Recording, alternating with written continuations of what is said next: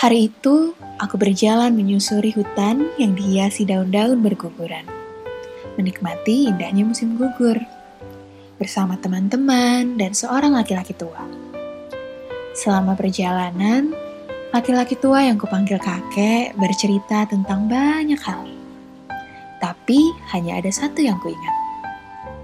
Katanya, ia tak segan untuk menukarkan apa pun agar ia dapat kembali ke banyak momen dalam kehidupannya.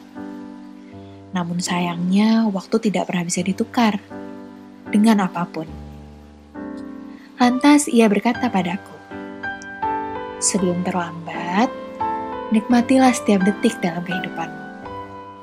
Peluklah orang-orang yang kau cintai, sisihkan waktu untuk mereka.